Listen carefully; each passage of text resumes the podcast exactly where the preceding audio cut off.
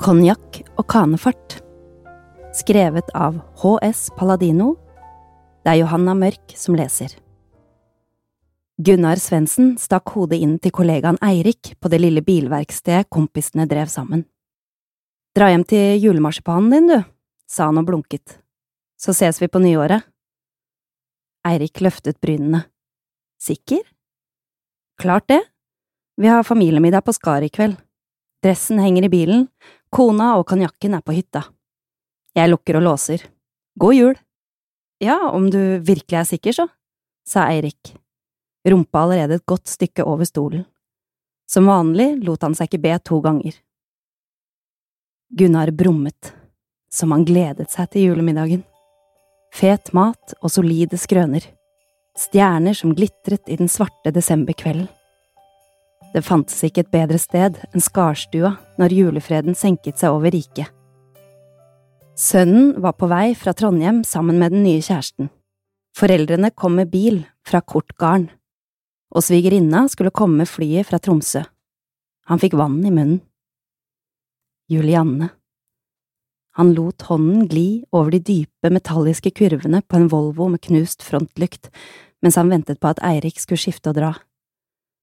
Fra nederste skuff fant han frem posen med smørkarameller han hadde gjemt, heiv innpå to stykker. Det var ikke tvil om at han hadde giftet seg med feil søster. Fem år yngre enn Britt, barnløs, overlege på sykehuset der oppe, og alltid med et artig smil på lur. I tillegg var Julianne en ihuga laksefisker. Bedre ble det ikke. De hadde faktisk støtt på hverandre i Oselva forrige sommer. Elegant hadde hun halt i land en rugg på nærmere seks kilo. Gunnar var solgt. Ingenting hadde skjedd mellom dem, men han skjelnet tegnene. Hun flørta da. Med bilnøkkelen til Jensens Masta pirket han på karamellen som festet seg i tennene. Han var trygg på at hun ville la seg sjarmere når den tiden kom. Karamellen løsnet. Det var nemlig en annen ting som gjorde at Gunnar gledet seg ekstra til årets julemiddag. Han hadde bestemt seg for å bli enkemann. Gunnar kikket seg i speilet. Det var ikke like oppmuntrende som før. Akkurat som de møllspiste juleenglene Eirik hadde pynta kontoret med, vitnet speilbildet om at årene gikk. Kontoen este, kroppen hang. Han løsnet engelen som var festet over speilkanten, surret tråden stramt rundt halsen på den så hodet ramla til siden. Skulle han være ærlig, så han mer dratt ut enn noen gang. Var det dette Britt hadde hintet om ved et par anledninger? At menn på hans alder fikk hjerteinfarkt av stress? Gunnar fnøs. Hatet mot kona hadde vokst i han, han innså det. Det var ikke lenger nok å skilles. Da ville hun stikke av med halvparten av kaka. Da han var sikker på at Eirik var forduftet, snek Gunnar seg ut i verkstedhallen. Der lastet han snøscooteren de hadde inne til reparasjon, på lasteplanet til en pickup som hadde stått på vent en stund. Så heiv han innpå en karamell til, kløv opp i bilen og rygget ut. Snøen var kommet tidlig i år. Det hadde dynget ned i et par uker, etterfulgt av en sprengkulde en ikke hadde sett maken til på denne kanten av landet de siste 50 årene. Britt hadde reist opp til skaret tidligere på dagen. Hun ville gå seg en lengre skitur innover i skogen, sa hun. Men så, på telefonen et par timer tidligere, ymta hun frempå om at det kanskje var for kaldt for langrennstur. Gunnar bet tennene sammen, før han gapskrattet inn i telefonen. Nei, hun fikk jammen bruke den dyre jakka han hadde kjøpt til bursdagen, og heller dra skjerfet godt oppover ansiktet. Hun hadde resignert. Han justerte forsettet, banka hendene i rattet, på tide å ringe julen inn. Sakte, med stadig hyppigere hjulspinn, klatret pickupen mot skaret. Da han passerte det vakre bygget, gløttet han bare så vidt inn mot tunet og kunne skimte Toyotaen til Britt på parkeringsplassen. Han hadde allerede en kjøper i tankene. Inn stikkveien som ledet ned mot vannet, var brøytekantene høye som hus. Ved å rygge inn mot en diger snøhaug passet han på at bilen ikke kunne ses fra hovedveien. Så skrudde han av tenningen og fant fram telefonen. Gunnar hadde for lengst installert en sporingsapp på telefonen til Britt. Da han fant den lille prikken som viste at hun var langt innover i marka allerede, kjentes et kaldt sug i magen. Så ruste han motoren og rygget scooteren ned fra planet. Luften slo mot kroppen, fingrene snart stive som kvist. Løypene var ikke kjørt opp, bare et enkelt skispor viste vei. Briller hadde han glemt, strie strømmer rant fra øynene. Han strøk håndbaken over fjeset og gønna på. Bare noen minutter til nå, så var det enden på julekveldsvisa. En skarp, gul prikk kom til syne. Han humret. Smart kjøp den jakka. Den lute holdningen som vitnet om at kjerringa peste på som en hval allerede. Det virket ikke som om hun hørte motoren engang. Et kvalmende øyeblikk ønsket han nesten at hun snudde seg, slik at hun skulle se hva som traff henne. Gunnar vred gassen helt om. Scooteren dunka mot underlaget. Meiene gravde seg ned, og han siktet så godt han kunne mens øynene svømte. Hun skrek ikke engang da han traff. Flaksa bare gjennom luften som en skadeskutt tiur. Landet på huet i djupsnøen, med ski og staver stikkende opp mellom buskene. Gunnar freste videre. Tilbake på verkstedet gikk han ut av bilen, og det var nå han merket at det ikke bare var ristinga fra farkosten som satt i kroppen, han skalv som ei rotte. Hva i helvete hadde han gjort? Kunne noen ha sett han? Sakte huket han seg ned ved fronten på snøscooteren, begynte å tørke vekk skitt og snø. En eh, hakket bulk syntes i fronten på venstre side. Gule tråder satt som støpt fast i arret. Helsike, der gikk første juledag i dass. Med stødige skritt gikk han til baksiden av verkstedet kjørte neven gjennom glasset på bakdøren. Nå så det i hvert fall ut som et innbrudd. Han vred på nakken så det knaket. Konjakk var det han trengte, og den sto på hytta. I resepsjonen på Skarstua ba han om ekstranøkkelen. Disken og kvinnen bak syntes å rotere i stadig større fart. Med nøkkelen i hånden stavret han seg ned til hytta og låste seg inn. Han kippet av seg skoene og kikket irritert inn mot stua. Alltid skulle hun la alle lysene stå på. Hallo, elskling, er du her alt? Han bråstoppet. Hva i helvete, det var stemmen til Britt. Han lukket døren, tok forsiktig skritt innover gangen og turte ikke ytre et ord. Baderomsdøren føk opp, og ut stakk et hode, uten en skramme i fjeset. Herlighet, lo Britt, du ser ut som du har sett et spøkelse. I det fjerne sang Dolly Parton om at hun trodde på nissen. «Eh, skvatt bare litt, sa han hest. Skulle ikke du på skitur? Altfor kaldt for meg, sa Britt. Med ustø skritt fant Gunnar veien inn i stua, lette fram konjakkflasken og det største glasset han så. Hva skulle han si om noen spurte hvor han hadde vært?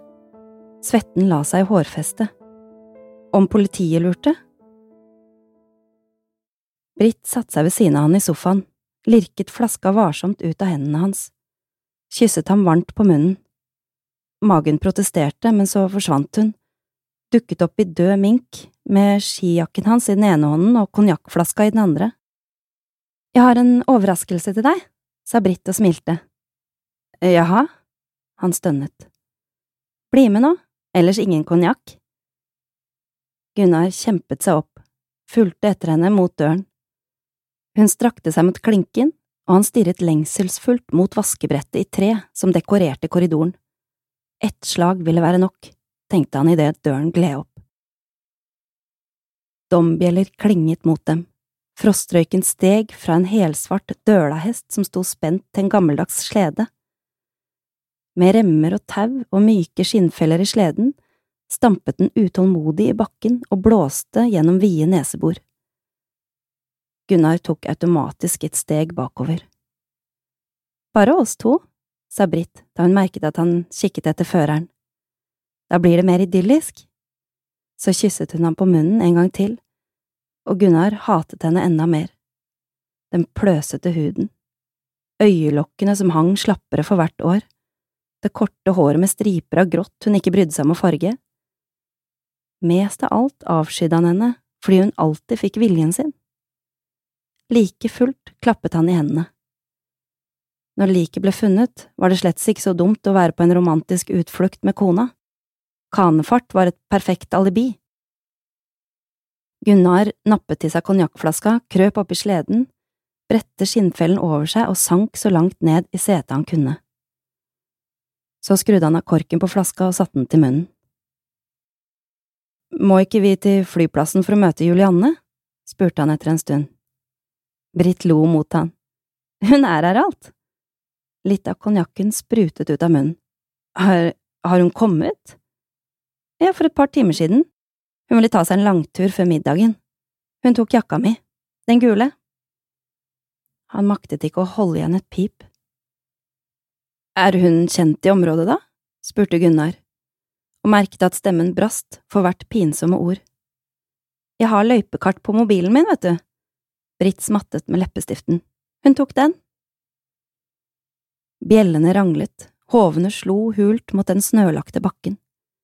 Ansiktet svei i sprengkulda ettersom farten økte innover skogsveien. Helt taus satt han og skulle ønske han hadde tatt med en flaske til. Det var ikke bare første juledag som var gått føyka, hele fremtiden med Julianne lå kvestet. Han visste ikke helt om det var konjakken eller skinnfellen som varmet, men etter å ha kjørt en stund kjente han seg mer avslappet. Ja, beint fram lykkelig. Borte var angsten, skrekken over hva han hadde gjort, angeren. Alt kom til å ordne seg til det beste, innså han. Eirik hadde sett ham på verkstedet, kona på hytta, nå satt de her sammen, og han hadde alibi. I det samme stanset sleden. Han dyttet seg opp fra døsen, og pupillene dilaterte så det gjorde vondt. Foran blakken kunne han skimte en skikkelse komme gående mot dem gjennom mørket, noen i neongul jakke. Øynene glippet, og han måtte kjempe for å holde dem åpne. Var det virkelig henne? Ikke forsvinn for oss riktig enda, da, sa Britt.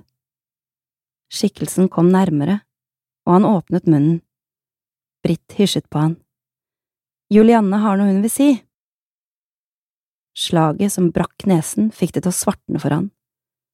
Hodet til Gunnar ble slengt til siden, men bare et vagt ul forlot munnen. Han ville løfte armene for å karre seg opp, men det var som om evnen hadde forlatt han. Så kikket han ned i fanget der konjakkflaska lå tom oppi skinnfellen.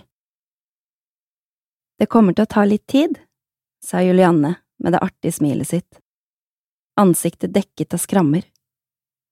Du vil føle deg som en zombie i en times tid, kanskje våkner du innimellom, men døden kommer. Et øyeblikk trodde han nissen hadde dukket opp men så var det bare Britt som lo. Godt vi har lege i familien. Hun kikket mot Julianne, som tente en Prince, inhalerte og blåste røyken rett i ansiktet på han, og tilgang på preparater. Gunnar prøvde å skrike, men ordene satt fast i halsen og ble bare til lydløse gisp. Britt stakk en karamell i kjeften. En stund sto de to kvinnene bare og glodde på han, så smilte de mot hverandre. Helsikes kjerringer, tenkte han. Så hørte han remmene smelle, kjente sleden rykke, og mens dombjellene på nytt begynte å klinge, svartnet alt. Da Gunnar glippet med øynene en stund senere, var det fordi tennene klapret. Han frøys noe så grassat, skuldrene ristet. Men kroppen satt bom fast, og da han forsøkte å bevege seg, forsto han at han var bundet og pakket inn i noe glatt og hardt. Først skjønte han ikke hva det var. Så innså han at det måtte være snø, dekket med is. Hadde de spylt han? Han vred og snodde på seg. Med det lille han hadde av krefter, prøvde han å sparke og slå seg fri fra fengselet. Ingenting hjalp. Det var da han innså at det fantes en luke, at han kunne skimte isen som glitret over Skarvatnet. Plutselig fikk han øye på et par unger som lekte ikke langt unna. De kastet snøballer mot hverandre, hylte og lo. Gunnar forsøkte å skrike, men heller ikke nå klarte han å åpne munnen. Var den teipet igjen? Inne i synsfeltet dukket opp en kvinne som kom løpende rett mot han. Gunnar øynet nytt håp. Den minste ungen pekte mot han. Se, mamma, den snømannen har ekte øyne. Kanskje han er levende? Kanskje det, sa moren og fanget ungen opp i armene sine mens han hylte av henrykkelse. Ja, jeg så at han blunket, sa den andre ungen. Ja vel, sa kvinnen, tok en unge i hver sin hånd og begynte å gå oppover mot skarstua. Med ett stanset den største av ungene, snudde seg og kylte en snøball rett mot Gunnar. Det svei idet den traff det ene øyet. Ikke noe mer tull, sa moren. Vi skal spise nå. I denne kulda ble snømannen stående til våren. En kråke flakset inn foran han og landet på skulderen hans. Med det gode øyet så Gunnar at ungene og moren forsvant innimellom hyttene.